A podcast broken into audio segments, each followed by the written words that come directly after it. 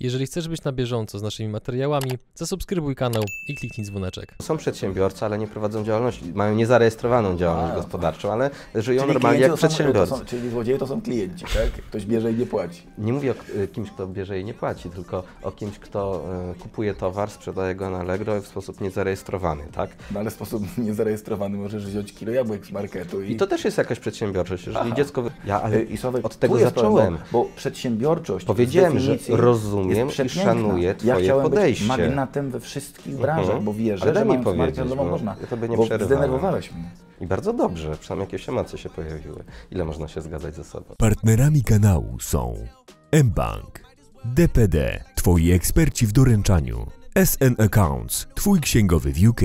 Linki do partnerów w opisie materiału.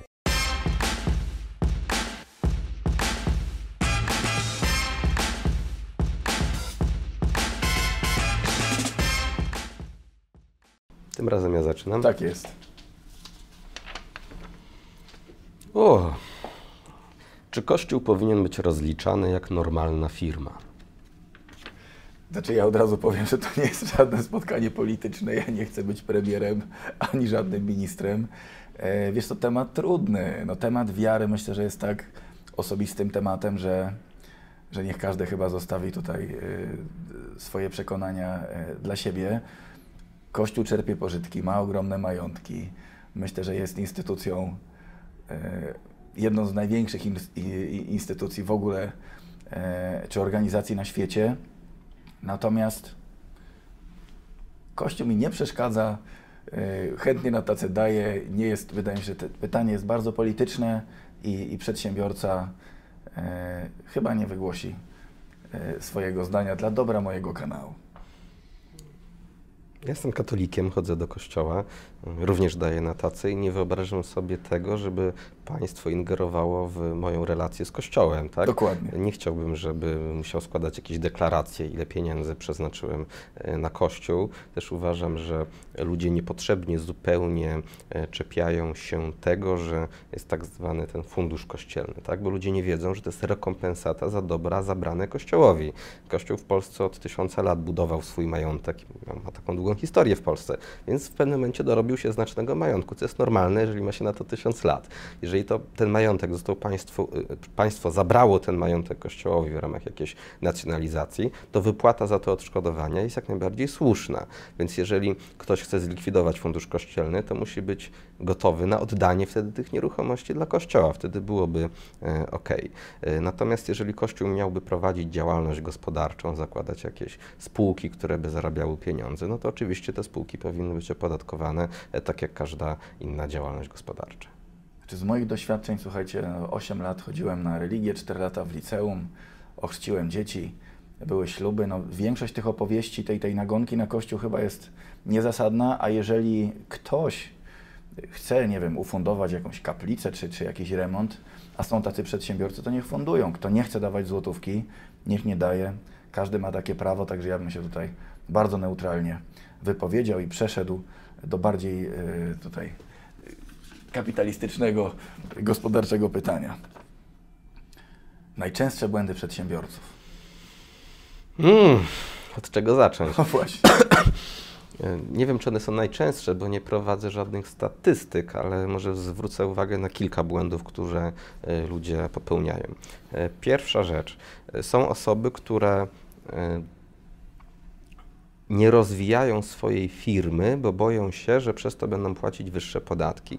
Tak, jak będziecie więcej zarabiać, będziecie płacić wyższy podatek dochodowy, ale lepiej zarobić dwa razy więcej zapłacić dwa razy wyższy podatek dochodowy, niż nie zarobić, bo i tak jest się do przodu. Nie wszyscy te, to rozumieją. Są osoby, które działają w szarej strefie, handlują na lewo jakimiś rzeczami na Allegro czy OLX, i nie chcą się zalegalizować, bo trzeba by płacić podatki, nie biorąc pod uwagę tego, że nie zwiększą swojego biznesu, póki on będzie nielegalny, a jakby się zarejestrowali, to siłą rzeczy z czasem zarobili Ale to nie są więcej. same przedsiębiorcy. To no są tak, przedsiębiorcy, ale nie prowadzą działalności, mają niezarejestrowaną działalność A, gospodarczą, ale żyją Czyli normalnie jak to są- przedsiębiorcy. To są, czyli złodzieje to są klienci, tak? Ktoś bierze i nie płaci. Nie mówię o y, kimś, kto bierze i nie płaci, tylko o kimś, kto y, kupuje towar, sprzedaje go na Allegro w sposób niezarejestrowany, tak? No ale w sposób niezarejestrowany możesz wziąć kilo jabłek z marketu. I to też jest jakaś przedsiębiorczość. Jeżeli Aha. dziecko wychodzi z lemoniadą na ulicy, sprzedaje lemoniadę, też jest przedsiębiorcą, a też od tego składek nie płaci. Wolę to lemoniady. Więc drobny biznes od lemoniady właśnie można zarabiać, ale jeżeli ktoś chce zarabiać większe pieniądze, musi to robić legalnie, no chyba, że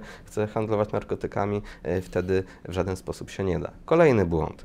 E, Ludzie sobie próbują na siłę wrzucać jakieś rzeczy w koszty. To znaczy mówią, mam do zapłaty podatek, to kupię sobie piąty telefon, siódmy samochód, bo lepiej, żeby e, trochę tego podatku odliczyć. To jest bez sensu, bo lepiej zapłacić 19% podatku dochodowego, niż zapłacić 100% za coś i odliczyć sobie to 19%. To ma się na koniec mniej pieniędzy niż więcej, więc y, dokonywanie zbędnych zakupów tylko po to, żeby obniżyć podatek, według mnie jest bez sensu. Kolejna sprawa, zaczynanie firmy bez jakiegoś zaplecza finansowego, na przykład na kredyt. Zdecydowana większość firm na początku pada i lepiej upaść bez długów, niż jeszcze pakując się na samym początku z kredytem czy pożyczając pieniądze od rodziców. Lepiej najpierw te pieniądze zaoszczędzić, mieć dopiero własne fundusze i dopiero potem zakładać firmę. Znacznie lepiej, rozsądniej wydaje się swoje pieniądze niż czyjeś. Jak ktoś zaczyna firmę od pożyczenia pieniędzy, to niestety te pożyczone pieniądze, które przyszły mu łatwo, wydaje zupełnie nierozsądnie i e, ta firma e, działa źle. To może od tego bym zaczął jako częste problemy czy błędy. Ja słuchajcie, robię to od, od parunastu lat. Patrzę na to od, od urodzenia, na przedsiębiorczość, na biznes. Myślę, że każdy przedsiębiorca przez wszystkie błędy i tak przechodzi sam. Możemy się teraz tutaj pomądrzyć, ale, ale większość z nas i Twój sklep z bronią, i moje tutaj szkoły językowe, i firmy odzieżowe, to była wylęgarnia różnych błędów. Ja bym podzielił przedsiębiorców na tych niedoświadczonych i doświadczonych. Z tymi e, błędami na starcie w zupełności się zgadzam. Ja myślę, że błąd przedsiębiorcy młodego jest taki, że za mało pary, za mało czasu i za mało pracy wkłada w ten swój pierwszy biznes i żadne pieniądze, czy z pożyczki, czy z gotówki nie pomogą, jeżeli osobiście się jakiejś organicznej pracy nie wykona. Natomiast dużym błędem przedsiębiorców jako takich w Polsce, bez wiedzy pokoleń, które prowadzą firmę, jest taki, że budujemy maszynkę do robienia kosztów i mielenia pieniędzy, a nie tych pieniędzy zarabiania. I tu się bardzo z doradcą podatkowym e, zgodzę, że nauczmy się płacić podatek dochodowy, odcinać kupony od swojej działalności i gdzieś inwestować w aktywa trwałe. Ja obserwuję przedsiębiorców, którzy mają lat 40, 50, 60, wielkie przychody, są przepracowani, wręcz spracowani i nic z tego nie wynika. Jest wielu pracowników, wielkie przychody, 30 lat tradycji, natomiast pod względem komfortu życia właściciel stoi w miejscu. Ja uważam, że kupowanie sobie samochodu, domu, mieszkania i wycieczek w pierwszym, drugim, trzecim roku działalności nie jest do końca przemyślany, ale umiejętność konsumowania swoich wyników, umiejętność inwestowania swoich wyników to jest główny sens prowadzenia działalności. No po to zarabiam 10 razy więcej niż średnia krajowa, żeby móc sobie chociaż dwa razy lepiej żyć. Natomiast tutaj to, są, to jest mój target, tacy przedsiębiorcy już trochę dorobieni, 40 i plus, myślę, że powinni zacząć o sobie. To jest główny dla mnie problem przedsiębiorców, że tak się zachłysnęli robieniem pieniędzy, że zapomnieli o sobie i ich wydawaniu i co najważniejsze, inwestowaniu w coś, co będzie pracowało na nich, a nie oni na firmę.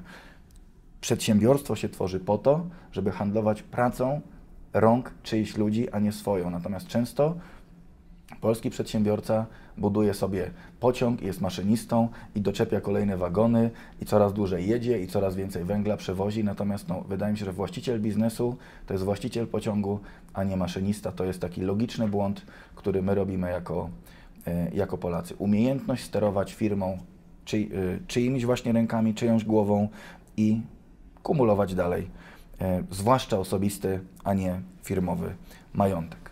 Tak, żeby nie przedłużać, aczkolwiek rzeczywiście uczymy się cały czas, jak tych błędów nie robić. Która Twoja decyzja biznesowa była najgłupsza?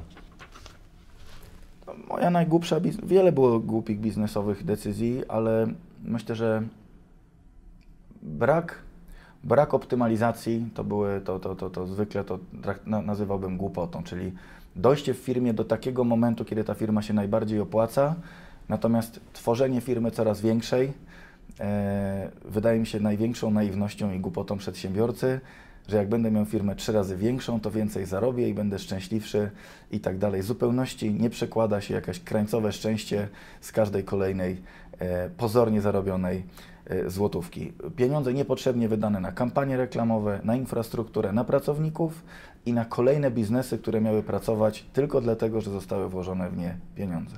Uważam, że jeżeli ktoś prowadzi uczciwie jedną, dwie działalności i umie regularnie z nich zarabiać, oszczędzać i inwestować w aktywa, które już nie potrzebują naszej pomocy, to jest swojego rodzaju inteligencja i mądrość finansowa. Y, Budowanie y, korporacji w pojedynkę po prostu nie ma sensu, dlatego że korporacje to są e, firmy oparte na, e, właściciel, na, na takim właści, właścicielstwie bardzo rozproszonym. To są często akcjonariusze, fundusze i wydaje mi się, że ciężko firmę rodzinną przenieść na jakiś wyższy układ. Oczywiście paru Polakom, czy parunastu, czy paru dziesięciu się to pięknie udaje, ale jest to obarczone no, spalonym pokoleniem, w sensie jakimś osobistym. Ból, który widzę e, w przypadku tych błędów jest właśnie taki, dlaczego ja się zatrzymałem, że jeżeli nie poświęcę dzieciom odpowiednio dużo czasu dzisiaj, to czy ja ten majątek przekażę w ilości 20 milionów czy 200 i tak będzie fikcyjny. Wczoraj czytałem, że Bill Gates, mimo tego, że jest gigantycznym miliarderem przez największe M, y, zapisał dzieciom raptem po 10 milionów dolarów. Czyli jeżeli te dzieci będą niezbyt rozsądne, to wydadzą wszystko na pierwsze dwie wille i pierwsze osiem samochodów i zostaną z niczym, czyli jest to dość, dość, y, y, dość roztropne. To jest, wydaje mi się, pewien błąd. To, to, to jest ta głupota e, moja, że próbowałem tę firmę budować na siłę i przed tym bym przestrzegał. I wydatki na reklamę. Uważam, że najlepszą reklamą, słuchajcie, jest usługa sama w sobie. Jak ktoś rzeźbi dobrze swoją usługę, nie musi spalać aż tylu pieniędzy na, na PR i reklamę.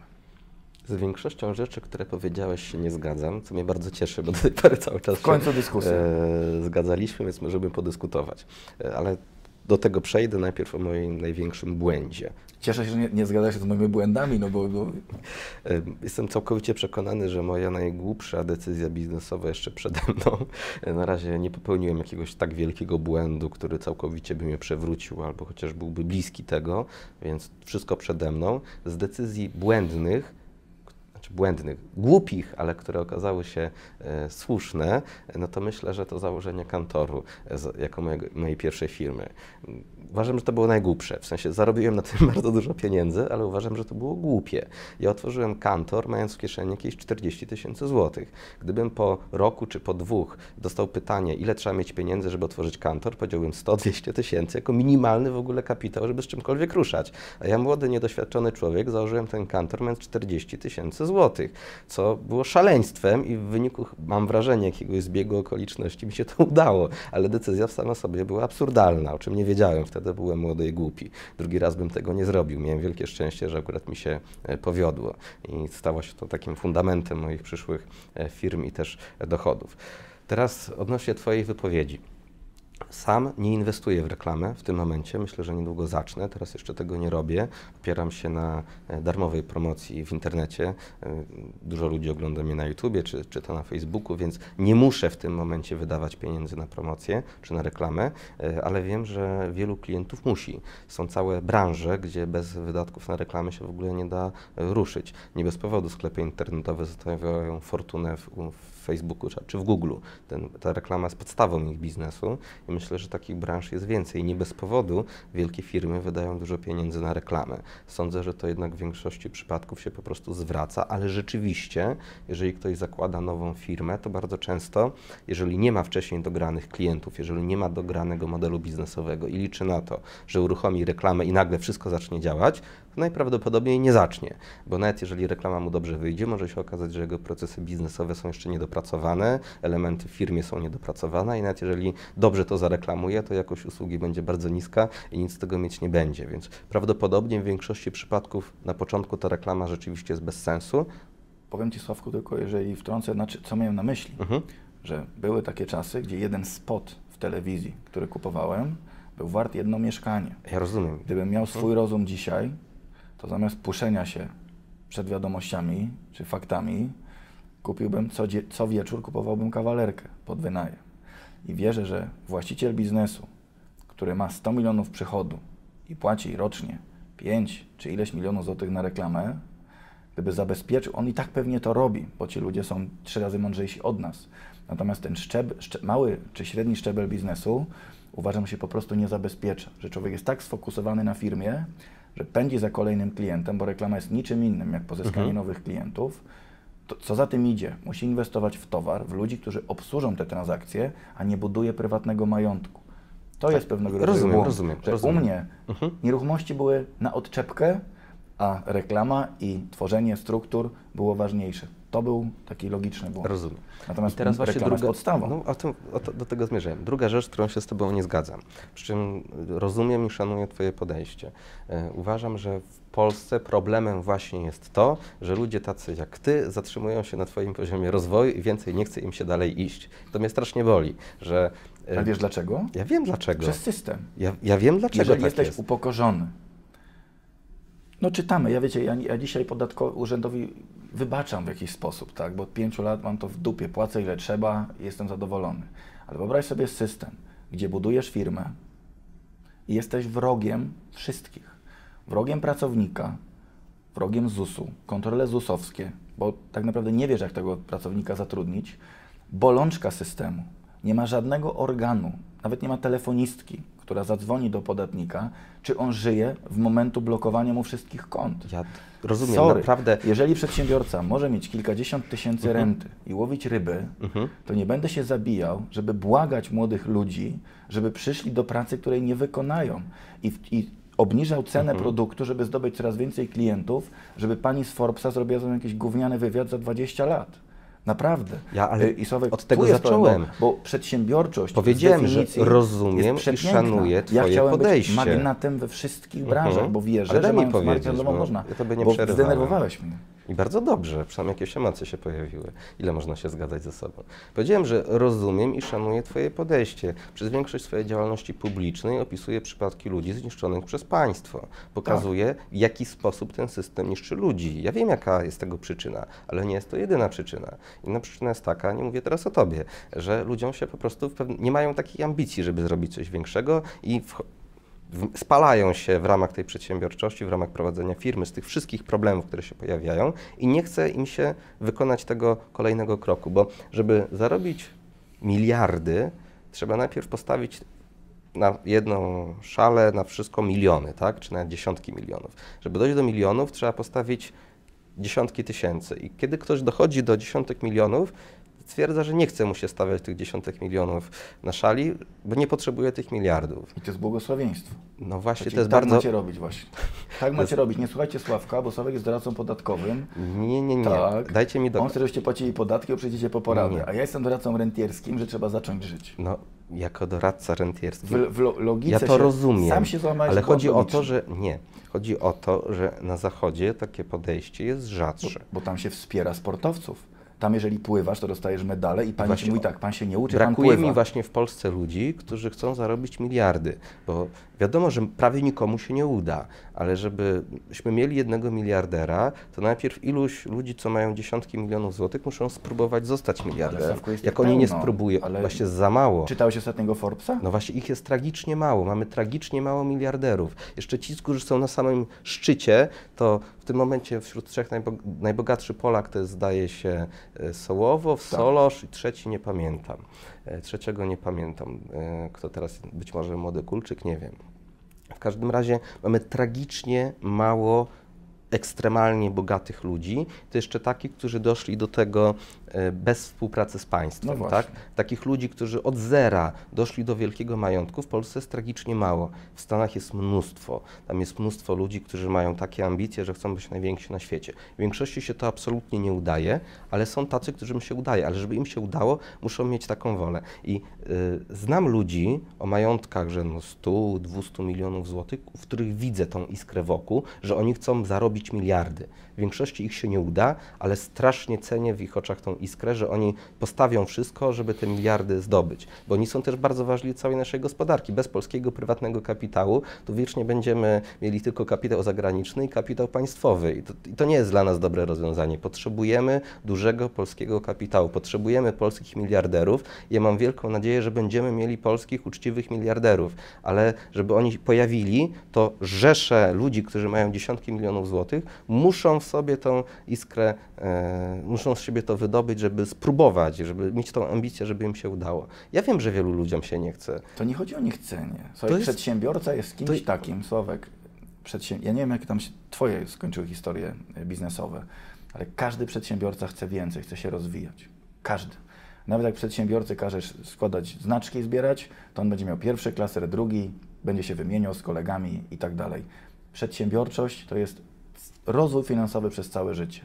Natomiast jeżeli otoczenie, środowisko, edukacja i aparat państwowy w jakiś sposób ci to uprzykrzają, to wierz mi, że się po prostu nie chce. I ludzie wbijają się na pewien pułap i całe szczęście, i całe szczęście, że potrafią na nim być. To jest zbawienie. Zobacz, że tych miliarderów nie brakuje. Jak ja ostatnio czytałem tą listę Forbesa, bo czytuję to, naprawdę chylę czoła, biję brawo, bo to, jest, to, są, to są Himalaiści dzisiejszych czasów. Himalaiści. Super, że są. Super, że poświęcają setki milionów złotych miesięcznie na kolejne reinwestowanie w swoje działalności. Wspaniale. Natomiast y, nie wiem jak ty, ja myślę, że to życie jest tak krótkie, że trzeba umieć z tej firmy brać, a nie tylko tą firmę rozwijać. Fajnie by było, niech tych pociągów będzie bardzo dużo, tylko widzisz, y, rynek mówi, że to się po prostu nie opłaca średniej lidze. Właśnie chodzi o to, że ja bardzo bym chciał, żebyśmy mieli więcej Himalajstów, więcej ludzi takich jak Robert Lewandowski, którzy są w czymś najlepsi na świecie, którzy od początku wiedzą, że chcą być w czymś najlepsi na świecie, że chcą, żeby ich A firma nie była... mamy ich? Właśnie za mało ich mamy, mamy ich za mało. Robert Kubica, ostatnio padły słowa, nie wiem czy, czy na Netflixie, na filmie ludzi z branży, że to miał być drugi kierowca na świecie. No miał wypadek, stało się tragedia. Lewandowski, mega. Wczoraj oglądałem wywiad jeszcze z Andrzejem Gołotą, gdzie Mike Tyson mówi, że jeden z najlepszych pięściarzy świata. Wiesz, no, tych nazwisk nie brakuje i to w wielu, w wielu branżach, także myślę, że przesadzasz. E, Solosz, Pan Kulczyk, pierwsza można powiedzieć dwudziestka, trzydziestka, jak oni tam się dorobili, to się dorobili, ale, a, ale no legendy. CD Projekt, nie wiem, tam chyba pod miliard wyceny. To są firmy robione przez, przez kilka, kilkanaście lat, udowadniają bardzo wiele. Ja się z Tobą nie zgodzę, ta przedsiębiorczość bardzo, bardzo kwitnie. Tylko najbardziej po dupie dostają nie te firmy, które handlują sobie pakietami y, akcji po kilkanaście, kilkadziesiąt milionów, tylko ludzie, którzy mają milion, dwa, trzy, pięć obrotu. Tu jest problem. Ty myślisz o Himalajstach, a ja bym wolał, żebyśmy byli jak stok narciarski, gdzie każdy ma prawo jeździć i nie tylko Himalajsta ma prawo do miliardów, tylko prawo do zarabiania ma najmniejszy przedsiębiorca, bo my płacimy podatki. Może w budżecie kraju rzeczywiście to to za- zapłacą trzy spółki Skarbu Państwa więcej niż w ogóle wszyscy przedsiębiorcy, natomiast dla samego komfortu życia, o którym mówiliśmy na poprzednim filmiku, y, to środowisko dla przedsiębiorców jest bardzo, bardzo słabe. I to mówię jako ultrapraktyk, że ludzie mają apetyt. Tylko jeżeli masz cały czas podcięte skrzydła, nie chce ci się latać. Ja naprawdę nie twierdzę, że państwo pomaga młodym, małym przedsiębiorcom. Państwo im to utrudnia. Tak. Większość swojego, swojej aktywności publicznej poświęcam wykazywaniu tego. Moja teza jest jedynie taka, że za mało mamy ludzi, którzy chcą wejść na Monteverest. Tylko tyle, że ich ambicja kończy się na posiadaniu kilku, kilkunastu milionów złotych, że chcą być tym rentierem, co naprawdę nie jest złe. To jest dobre, ale chodzi o to, żeby ludzi, którzy chcą wejść na Himalaje, było troszkę więcej. I na przykład e, Tylko na Himalaje wchodzisz sam. A firma to jest często kilkaset ludzi. Jeżeli masz od razu związki zawodowe, pretensje, czytałeś w ogóle, mówisz, że znasz tych ludzi, tych dużych przedsiębiorców, czytałeś na GoWorku jedyną dobrą, jedną dobrą opinię o pracodawcy, który zarabia 500 tysięcy osób. Bo to są moi koledzy, którzy mają zatrudnionych po 1000 osób w swoich zakładach. Nie ma wody, nie ma światła, nie ma niczego. Są bici i poniżani. Jeżeli polski pracownik będzie tak patrzył na kapitalistę, to jest dramat, bo ja czytam Forbesa jako żuczek, wierz mi, że bije brawo. Dla mnie szacunek, taki jak mam do pana Sołowowa, za to, co on w ogóle robi, jakim jest człowiekiem, do pana Sonika, że oni i pracują, i kumulują majątki, i są normalnymi, normalnymi ludźmi, i, i, y, i pomagają innym, wspaniale. Natomiast zapytaj statystycznego Polaka, co o nich sądzi. Tu jest problem. Tu jest problem właśnie w szkole, że najlepszy w klasie powinno powiedzieć fajnie chłopie, jesteś najlepszy, działaj dalej, jest od razu wyzywany. I no i tak niestety jest. Oczywiście, że tak, że ludzie źle traktują przedsiębiorców. Dla ludzi niestety prywadziarz to złodziej, spekulant, któremu trzeba dokopać. To jest oczywiście A, prawda. Czy miliony, czy miliardy to jest drugorzędna Czy sprawa. to też ludzie nie rozróżniają, czy ktoś ma 10 czy 100 Właśnie. milionów, dla nich to jedno i to Właśnie, samo. Właśnie. Zostaję przy swoim zdaniu, że chciałbym, żeby ludzi, którzy są w stanie postawić swoje 100 milionów, żeby mieć miliard, żeby było więcej. To właśnie, wiesz jak mi Solosz zaimponował? Kiedy Solosz przejmował Polkomtel. e, Polkomtela, tak? On już wtedy miał miliardy, on nie potrzebował nic więcej, ale on wziął największy kredyt, jaki można było wziąć, ile 20 czy 15 100 miliardów. milionów. Nie, jakie 100 milionów? Tyle to może miesięcznie raty spłacał. Nie, nie, nie, 100 milionów. Ku- Solosz Tak.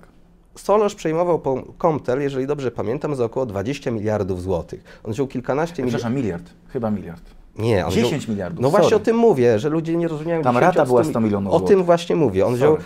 Co najmniej 10 miliardów złotych kredytu. Słuchajcie, Zadłużył się wszystko, co miał, ja nie bo chcę- miał ambicje być najbogatszym Polakiem. To było chyba 10 lat temu. To było takiego, coś pięknego. ale 100 On i tak mi zaimponował, no tak, że wszystko postawił na jedną kartę, żeby być najbogatszym Polakiem. Właśnie brakuje mi takich decyzji, żeby ludzie, co mają miliard, żeby chcieli mieć 10 miliardów i żeby w tym nie celu szli. tego na filmiku na YouTubie zrobić postulatu, żeby ktoś e, wziął teraz kredyt 10 miliardów i miał ratę 100 milionów. Ale to najpierw trzeba mieć 10 tysięcy, potem 100 tysięcy, milion, 10 milionów. Za każdym razem liczba ludzi, którzy to mają, spadają. I właśnie chodzi mi o to, że na pewnym poziomie ludziom przestaje się chcieć i chciałbym, żeby im się dalej chciało. A Sławek, a zgodzisz się ze mną z taką teorią, że my jesteśmy kapitalistycznie bardzo jeszcze niedorozwiniętym społeczeństwem? Oczywiście, że Że tak. na zachodzie, zobacz, że te fortuny budują się przez wieki. Mhm. Może nie przez wieki, ale przez dekady, tak? Dziadek coś zaczął. Fajny teraz artykuł był o Louis Vuitton. Tam był właściciel, potem y, y, syn, wnuczek i tak dalej. Y, Zobacz, że u nas często to jest tak zwane dorobkiewiczostwo. Może to masz na myśli, tak? Że ktoś robi To trzy jest jeszcze interesy. jedna ciekawa sprawa, że o ile rzeczywiście taki kapitał klasy średniej buduje się przez pokolenia, o tyle prawdziwych fortun się nie buduje przez No nie pokolenia. da rady. Jak spojrzysz na najbogatszych ludzi e, w Stanach Zjednoczonych, to są ludzie, którzy na ogół dorobili się w pierwszym pokoleniu. To są ci ludzie, którzy z, czegoś z niczego zrobili coś wielkiego, tak? Bo jak patrzymy na, e, na dane dotyczące majątku z pokolenia na pokolenie, to on zawsze spada. To znaczy prawdziwe jest to polskie powiedzenie, że tam pierwsze pokolenie e, pracuje, drugie baluje, a trzecie bieduje, tak? No. Człowiek dorabia się pieniędzy, przekazuje je dzieciom. I teraz do czego dochodzi? Dziecko człowieka, który się dorobił, na ogół jeszcze wychowywało się bez luksusów, bo dopiero się wychowało, kiedy człowiek się dorabiał, tak? Ale wnuk tego pierwszego pokolenia nie ma możliwości, dorasta w luksusie. I temu człowiekowi się już niestety, statystycznie rzecz biorąc, nic nie chce. Czytałem świetną e, pro, opracowanie naukowe pokazujące właśnie w jaki sposób e, ludzie, rodziny, e, rodziny, bo to z pokolenia na pokolenie tracą fortuny. Nawet człowiek na podstawie tych danych sformułował coś w rodzaju prawa połowicznego rozpadu majątku, że tam co 10 lat zdaje się majątek spada o połowę w pewnym momencie, ponieważ kolejne pokolenia nie mają tej iskry geniuszy, nie mają tej pracowitości, tej właśnie pasji, żeby zarabiać pieniądze, żyją, wychowują się w bardzo dobrych cieplarnianych warunkach i są niezdolne nawet nie do, do rozwinięcia, do utrzymania tej firmy, tak? Czy do utrzymania tego majątku. Poza tym świat coraz szybciej się zmienia. Kiedyś można było mieć olbrzymie połacie terenu, setki kamienic. Majątek kiedyś był głównie w nieruchomościach przez całe wieki. Ale od niedawna główny majątek to już nie są nieruchomości. Najbogatsi ludzie na świecie mają akcje. Nawet nie tylko ta elita, dalej też to są akcje. Podstawą majątku są akcje. A gospodarka tak szybko się zmienia, że firma, która teraz jest wielka, za 10 lat może, może w ogóle nie istnieć. Coś chociażby z Nokią stało. Czy z czego wystrzelił Facebook, czy Google, czy dlaczego nie ma ich konkurentów. Gospodarka się strasznie szybko zmienia i majątek budowany w akcjach prawdopodobnie za 10, 20, 30 lat będzie bardzo mało warty. Więc nie da się zostać miliarderem pracując przez pięć pokoleń na to. to. To nie jest ta droga. Żeby zostać miliarderem, no trzeba zrobić z pierwszego pokolenia, wystartować, mieć sobie to połączenie pasji, geniuszu, pracowitości i szczęścia, bo szczęście jest niezwykle ważne. Ale te wszystkie elementy muszą naraz zagrać, żebyśmy mieli tych miliarderów. I bardzo bym chciał, żebyśmy mieli tych miliarderów po prostu Kto by więcej. nie chciał, słuchaj. No to jest chyba marzeniem w ogóle, żeby, żeby się rodacy bogacili, aczkolwiek celujesz w taką ligę, że miliarder potem jest miliarderem, że no jest jeden człowiek na podium. Skupiłbym się, zwłaszcza jak gdzieś tam masz szerszą publiczną działalność, naprawdę na pomocy tej średniej i małej przedsiębiorczości. Tak, ja na co dzień pomagam. Ja im na co dzień pomagam. Normalny człowiek nie dostanie 10 miliardów y, kredytu. Normalny twierdzę, przedsiębiorca ma problem z trzecim kredytem na 500 tysięcy. Z obrotówką ma problem. Ma problem z tym, że jak wejdą ci trzy razy na konto, bo mandatu nie zapłaciłeś, to już dla banku jesteś na czerwonej linii. To jest problem. Nie rozumiemy się. Ja nie twierdzę, że to nie jest problem, ja tylko twierdzę, że ludzie dochodzą do pewnego poziomu i nie chce im się iść dalej. Tylko o tym mówię. A ile lat powiedz prowadziłeś biznes? No, niedługo mi stuknie 10 lat. A oprócz biznesu doradczego, takich gdzie miałeś ludzi, struktury, sprzedaż i, i magazyny, i reklamę, i problemy logistyczne. Czy miałeś sieć sklepów z bronią na przykład, Nie, 10 nie. sztuk? Bo wiesz, to inaczej pojmuje teoretyk biznes, inaczej praktyk. Mhm. Ja obserw jak obserwuję dzisiaj 40-latka, który pracuje u ojca 70-latka, to widzę dwa stracone pokolenia i tak jak powiedziałeś, wnuczka, który nic nie rozumie. Mhm. I teraz trzymanie za nich kciuki, żeby doszli do miliardów, to jest krzywda dla wszystkich trzech. Bo dziadek siedzi w firmie, ojciec nie ma czasu dla wnuczka, a wnuczek nie wiadomo po co to robią. To się dobrze czyta, dobrze się o tym mówi. Natomiast y, dlatego zadałem Ci to pytanie, że każdy, kto uczciwie przy, robił średni biznes, naprawdę po 10-20 latach ma tego dosyć. Ok, Sawku, kolejne pytanie. Warto czy nie warto robić rozdzielność majątkową?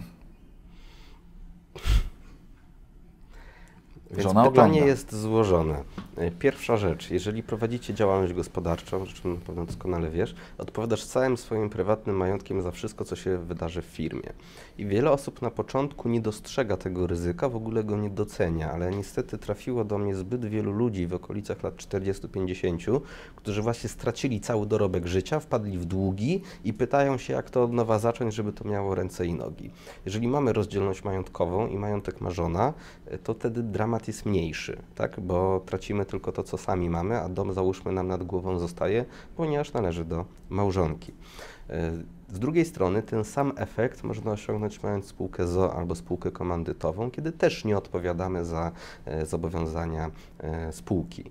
No I pojawia się jeszcze jedna jeszcze rzecz, to znaczy jeżeli robimy rozdzielność majątkową, jest to daleko idąca ingerencja w małżeństwo, która może mieć nie znane w tym momencie e, skutki. To znaczy, niestety również miałem klientów, którzy zrobili sobie rozdzielność majątkową, po czym żona ich zostawiła razem z całym majątkiem odeszła. I to nie jest fajne. E, Więc zawsze przed wzięciem rozdzielności majątkowej należy zastanowić się, jakie to ewentualnie konsekwencje będzie miało również dla małżeństwa, a nie tylko dla e, swojego biznesu. Dlatego ja nie mam rozdzielności majątkowej na przykład, mam też jednoosobową działalność, mam jakieś spółki ZO. Wydaje mi się, że lepszym zabezpieczeniem majątku jednak jest taka spółka komandytowa niż rozdzielność, y, ale rozumiem, że ludzie biorą też rozdzielność majątkową. Jasne. Ja mam rozdzielność majątkową, świadomie. E, moi doradcy zawsze sugerowali, żeby tak właśnie zrobić. Po pierwsze, by ograniczyć ryzyko. Dwa, żyjemy w takich czasach, w których nie żyli nasi pradziadkowie czy dziadkowie, że po 50 latach życia małżeńskiego ma się nic albo mieszkanie. I wydaje mi się, że zwłaszcza inwestorom w nieruchomości e, mówię, żeby na początku swojej drogi i zwłaszcza jeżeli oboje małżonków inwestuje, dobrze się podzielili, bo podobno wszystko jest dobrze, póki do podziałów nie dochodzi. Największe cyrki zaczynają się przy ewentualnym podziale majątku albo właśnie plajcie przedsiębiorstwa, zwykle męża, które ponosi jakieś tam, które ma no, gigantyczne oddziaływanie na całą e, rodzinę. Także konotacje są złe, jak się w rodzinie w ogóle mówi o rozdzielności, ale taktyczna, prosta zagrywka, jedna kartka papieru, a, a może wiele rzeczy ułatwić. Taka moja odpowiedź. Co różni osoby bogate od biednych? Powiem Wam tak, nie przepadam za tego typu tendencyjnymi pytaniami i, i wywodami, które są w internecie, e, chociaż zajmuję się tak naprawdę e, uczeniem tej sztuki bogactwa, różnie rozumianego. Wydaje mi się, że różnica y, nie polega na tym, kto ma większy majątek, kto więcej zarabia, kto ma szybsze auto i, i większy dom, tylko w moim postrzeganiu jest to albo umiejętność, albo jakaś zaradność finansowa, albo brak tej zaradności finansowej. Moje bogactwo definiuję jako e, posiadanie i pieniędzy, i zdrowia, i dobrych relacji e, z innymi ludźmi, i czasu dla siebie. Pieniądze są tylko jednym z e, jakichś tam składników tego całego bogactwa. Natomiast no, tendencyjnie można powiedzieć, że jedni dochodzą do fortun, drudzy kręcą się prawda, w pracy na etacie i tak dalej. Natomiast nie, coraz mniej przepadam za, za tego typu e, odpowiedzią. Wolałbym dzielić ludzi na szczęśliwych i nieszczęśliwych, zaradnych i niezaradnych. Natomiast y, na potrzeby szkoleniowe y, człowieka bogatego nazywam po prostu człowiekiem jakiegoś sukcesu czy, y, czy człowieka spełnionego. Natomiast różni ich ewidentnie podejście do pieniędzy, podejście do życia. Nie bałbym się użyć słowa uży, poziom naiwności, poziom świadomości, poziom jakiejś elokwencji i braku. Y, czy zaradności lub, lub, lub nie. Można by powiedzieć też o jakiejś pracowitości u ludzi bogatszych i lenistwie u tej drugiej części. Na pewno no, pozytywniej wypowiadamy się o ludziach bogatych niż y, biednych, aczkolwiek chyba idziemy wraz z czasem e, z, z uproszczeniem tego słowa biedy i bogactwa do, e, do umiejętności korzystania z życia. Bardziej niż kto ma e, skrzynkę złota i, i parcelę po babci albo dwa pałace. Tak bym odpowiedział. Uważam, że majątek nie jest jedynym kryterium tego, czy ktoś osiągnął sukces w życiu, czy też nie, tak? Bo możemy mieć wybitnego naukowca, niepowtarzalnego w skali świata, najlepszego w swojej dziedzinie, który pracuje na uniwersytecie i zbyt wiele e, nie zarabia. Możemy mieć świetnego sportowca, ale w jakiejś dziedzinie sportu, która akurat nie przynosi majątku. Możemy mieć pisarza, który stworzył piękną rzecz, ale która jeszcze nie została doceniona przez rynek. Więc raczej bym rozróżnił ludzi na ludzi sukcesu i ludzie, którzy tego sukcesu nie odnieśli, niż akurat e, ludzi bogatych od biednych, bo gdybym roz, e, miał porozmawiać przez 10 minut z kimś, prawdopodobnie nie byłbym w stanie wyczuć, czy to jest osoba bogata, czy też nie, bo nie ma takich cech, które na pierwszy rzut oka się e, rzucają w oczy. Znam ludzi bogatych, którzy są pesymistami, ale też takich, którzy są optymistami, pracowitych i leniwych, ludzi ciekawych świata, ludzi zamkniętych w sobie. Ludzie są naprawdę różni. Można być niesamowicie energicznym, pracowitym, pomysłowym człowiekiem, ale dalej nie mieć wiele pieniędzy. To też się w życiu zdarza. Swoją rolę ma jeszcze szczęście, więc nie, nie, nie, można powiedzieć, żeby jakieś cechy charakteru były gwarancją sukcesu, albo żeby można było po czymś poznać, że mamy do czynienia z osobą bogatą, czy też nie. Z całą pewnością pomysłowość, pracowitość, zaradność, rozważność pomaga w uzyskaniu tego majątku, ale w żaden sposób e, go nie gwarantuje. I zobacz, chyba nie wiem, czy się ze mną zgodzisz, że ten, ten, ten status materialny coraz mniej przeświadcza o możliwościach. No można mieć dychę miesięcznie, zwiedzać świat, zakładać rodzinę, tak. uczyć się uprawiać sport, a można mieć, kurczę, tak jak powiedziałeś, 100 milionów złotych i trochę nie wiedzieć, co z tym zrobić. Także chyba zaciera się granica sukcesu jakiegoś bogactwa tak, materialnego. Tak, może, naprawdę znam ludzi, którzy wiele nie zarabiają, ale można podziwiać ich za to, jak żyją. Widzieli Dokładnie. już cały świat, mnóstwo przeżyli, kolekcjonują te emocje i potrafią to jeszcze zmieścić w jakimś e, małym budżecie. Z drugiej strony mamy człowieka, który uważa, żeby cokolwiek zrobić, gdzieś pojechać, trzeba od razu wydać olbrzymie pieniądze i tego nie robi, bo mu szkoda, bo nie potrafi sobie tego jakoś zorganizować taniej. Więc tak, bardzo ważną jest rzeczą umiejętność korzystania z życia, tak żeby e, dobrze się żyło po prostu. Zgadzamy się co do tego. To chyba twoja e, kolej. E, moja kolej.